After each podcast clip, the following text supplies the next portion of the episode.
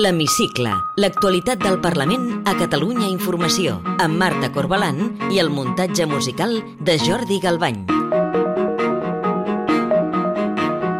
Acaba l'any i és moment de fer balanços. Per això avui a l'hemicicle farem un repàs de l'activitat legislativa d'un 2023 marcat per una situació sense precedents al Parlament. A mitja legislatura hi va haver un canvi en la presidència de la cambra quan al juny Anna R es va convertir en la segona autoritat de Catalunya després que Laura Borràs perdés el càrrec en ser condemnada a 4 anys i mig de presó i a 13 d'inhabilitació pel cas de la institució de les lletres catalanes. A banda de fer balanços, avui també entrevistarem el portaveu d'en Comú Podem al Parlament, David Cid. Benvinguts a l'Hemicicle.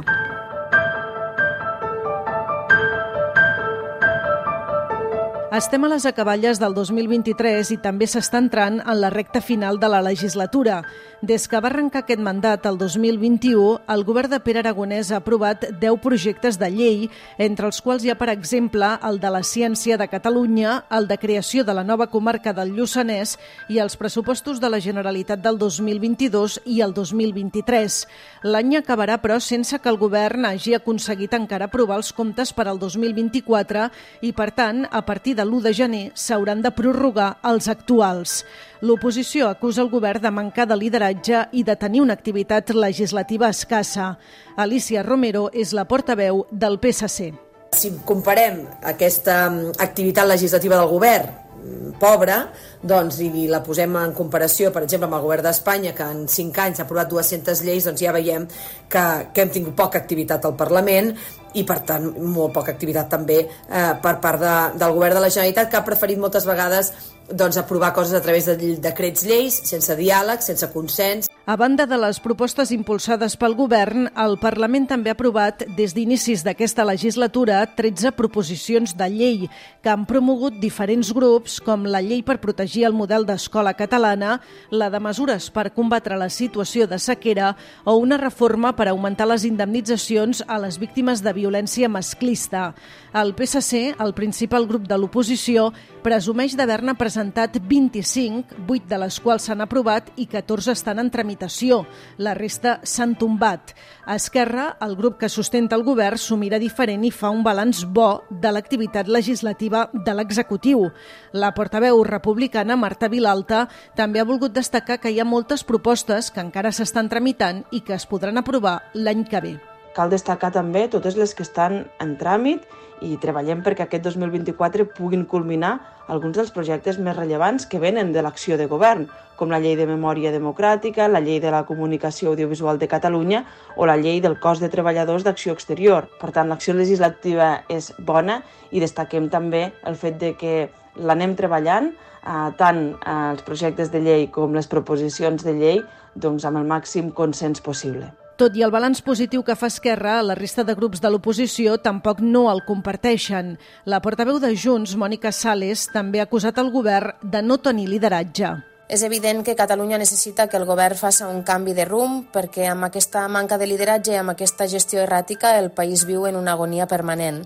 Des de Junts hem demostrat que estem actuant amb responsabilitat i en moltes ocasions des del Parlament liderem i fem la feina que no fa el govern. Una valoració que comparteix el portaveu d'en Comú Podem, David Cid. Jo crec que la sensació que tenim és, és un govern que, que està molt instal·lat en el qui dia passa any empeny, no? aquesta sensació de que no es mulla, però que a més a més jo crec que ara la sensació que comencem a tenir és que, que hi ha temes que no se'n surt. L'activitat al Parlament podria repuntar el 2024 perquè actualment hi ha una seixantena d'iniciatives legislatives que s'estan tramitant, moltes impulsades pels mateixos grups, com per exemple la llei per combatre el sensellerisme, la del tercer sector, la de la gent gran o una proposta perquè no prescriguin els casos més greus de pederàstia. Té la paraula Hola, sóc el David Cid, portaveu parlamentari d'en Comú Podem. Benvingut al programa L'Hemicicle. Voldria començar preguntant-li pels pressupostos de la Generalitat. Estem acabant l'any i el govern encara no ha aprovat els comptes del 2024 i, per tant, s'hauran de prorrogar els actuals que es van tirar endavant gràcies precisament al suport del seu grup i del PSC. Com van les negociacions amb el govern? Bé, jo crec que el més calent és a l'aigüera. No? Eh, en primer lloc, el govern també sap que nosaltres li hem traslladat que mm, en aquest escenari de sequera, en aquest escenari d'emergència climàtica, hi ha determinats projectes que no poden tirar endavant, com per exemple és el Hard Rock, que cal apostar no? clarament per prioritats centrades en salut, en habitatge, en educació i energies renovables. I per altra banda també veiem, amb sorpresa, el govern està imprimint un gir de 180 graus amb, no? amb els acords de pressupostos que hem anat tancant des dels comuns i, per exemple, algunes decisions que s'han pres la darrera setmana, clarament tenim la sensació que Esquerra Republicana s'allunya de la voluntat de tancar un acord amb nosaltres. No? I, per tant, en aquest cas, per exemple, el que representa no? la pujada del preu del transport públic, el doble no? que la inflació en un moment en què encara tenim una inflació molt elevada a Catalunya i per altra banda també doncs, el que hem vist, aquesta retallada del servei de pediatria que nosaltres creiem que clarament és un atac a la sanitat pública i a l'atenció primària i no? ens sorprèn perquè sens dubte és la primera gran retallada que fa el govern d'Esquerra Republicana en matèria de salut pública.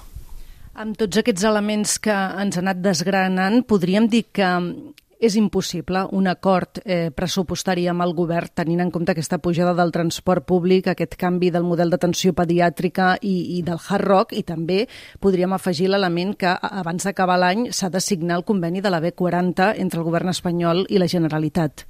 Bé, nosaltres la sensació que tenim és que, òbviament, Catalunya necessita pressupostos, però crec que nosaltres, que hem estat una força política molt responsable, i vull recordar que, no, que hem aprovat tres pressupostos de la Generalitat, eh, els tres pressupostos aragonès, perquè un va ser com a conseller d'Economia i els altres dos com a, com a president, però sí que tenim la sensació que el govern d'Esquerra de, no, Republicana no sabem on va, no? i que, que comença a tindre prioritats molt equivocades, i alhora la veritat és que, que no se'n surt. És a dir, nosaltres hem fet, un, jo diria, una contribució no, a, a, a que el govern de la Generalitat pugui tindre aquells recursos que necessitava i, per exemple, no, eh, és un contrasentit que tinguem el pressupost més alt eh, de la història de la Generalitat amb salut i, en canvi, no siguin capaços de garantir el que van signar, en aquest cas amb els comuns, que quan tu demanis hora al teu metge de capçalera tinguis cita com a màxim en 5 dies. Això no està passant i, teòricament, no havien de, no s'hi van comprometre. No?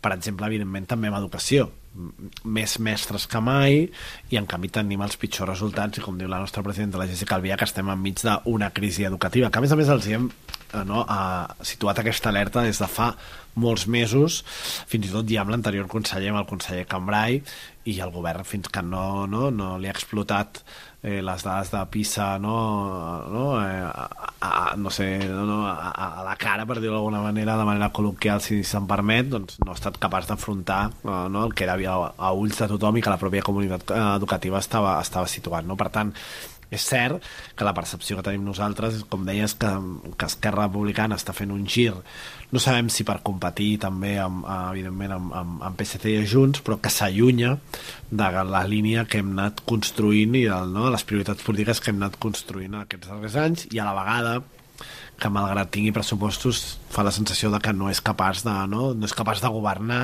ni de fer, no, donar resposta que aquelles polítiques que anuncia arribin al dia al dia de la ciutadania.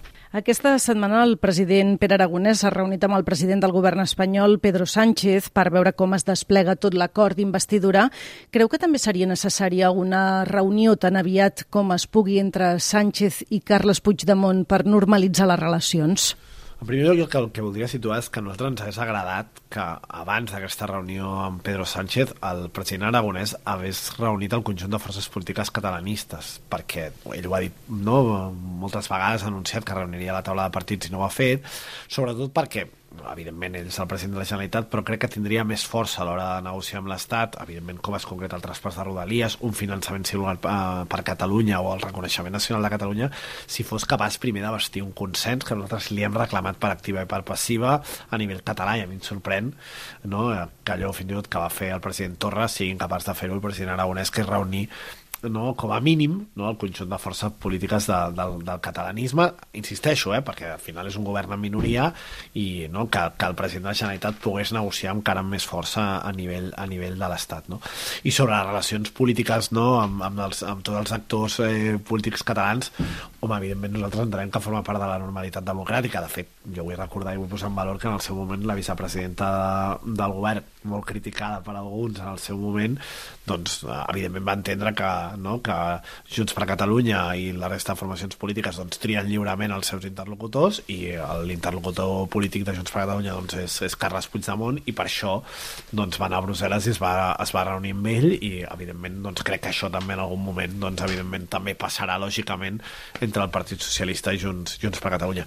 Tampoc, insisteixo, eh, que crec que no em sorprendria gaire perquè també ho veiem aquí, és a dir, a, a, no, a, al Parlament de, de Catalunya les relacions entre Junts per Catalunya i el PSC són, eh, jo diria, a, molt fluides. Eh?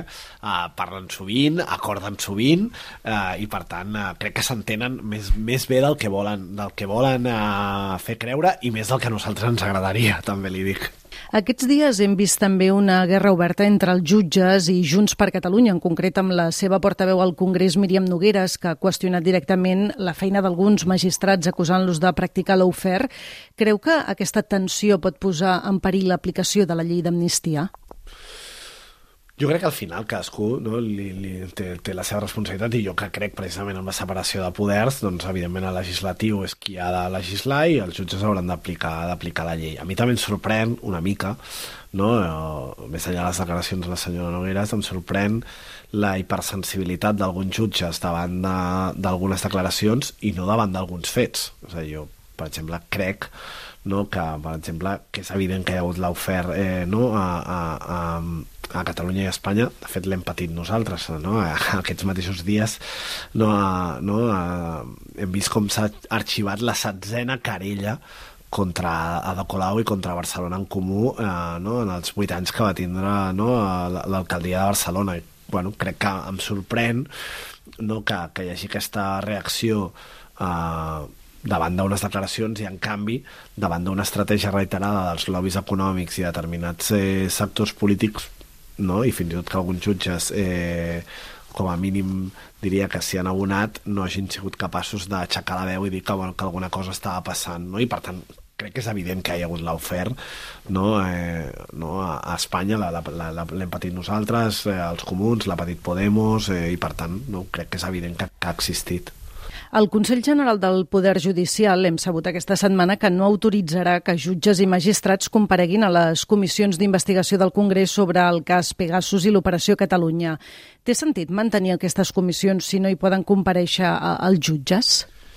Bueno, veurem. A mi no, no, no, no crec que sigui, no? És a dir, de fet, els màxims interessats no, en, no? com a qualsevol professió de que s'ha actuat de manera correcta serien els propis jutges i per tant jo no, no veig cap problema en que els jutges puguin compareixer en una comissió i puguin explicar doncs, quina és la seva visió, quina ha estat la seva actuació, vull dir, no, no és un judici, és una comissió d'investigació on el que es vol determinar precisament és si ha existit o no ha existit eh, um, polítiques de l'oferta. De fet, bueno, crec que també per exemple, crec que en aquesta comissió també estaria bé no? que, que no? Eh, per exemple, que el, el que ha passat a Barcelona o no? el que han patit els comuns amb aquestes 16 querelles també pogués formar part també no? d'aquesta no? investigació sobre l'ofer a Espanya i per tant jo no veig un problema i crec que una vegada més doncs, el, el Consell del Poder Judicial pretén fer política no? que crec que és una...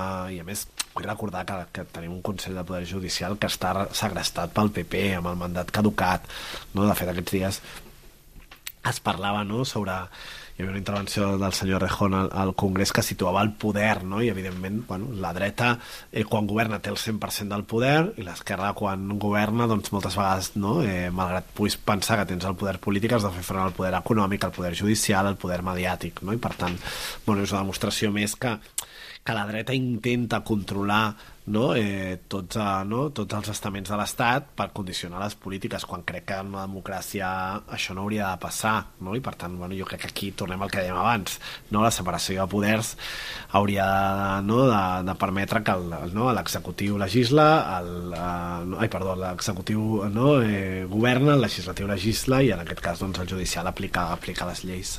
El judicial aplica les lleis.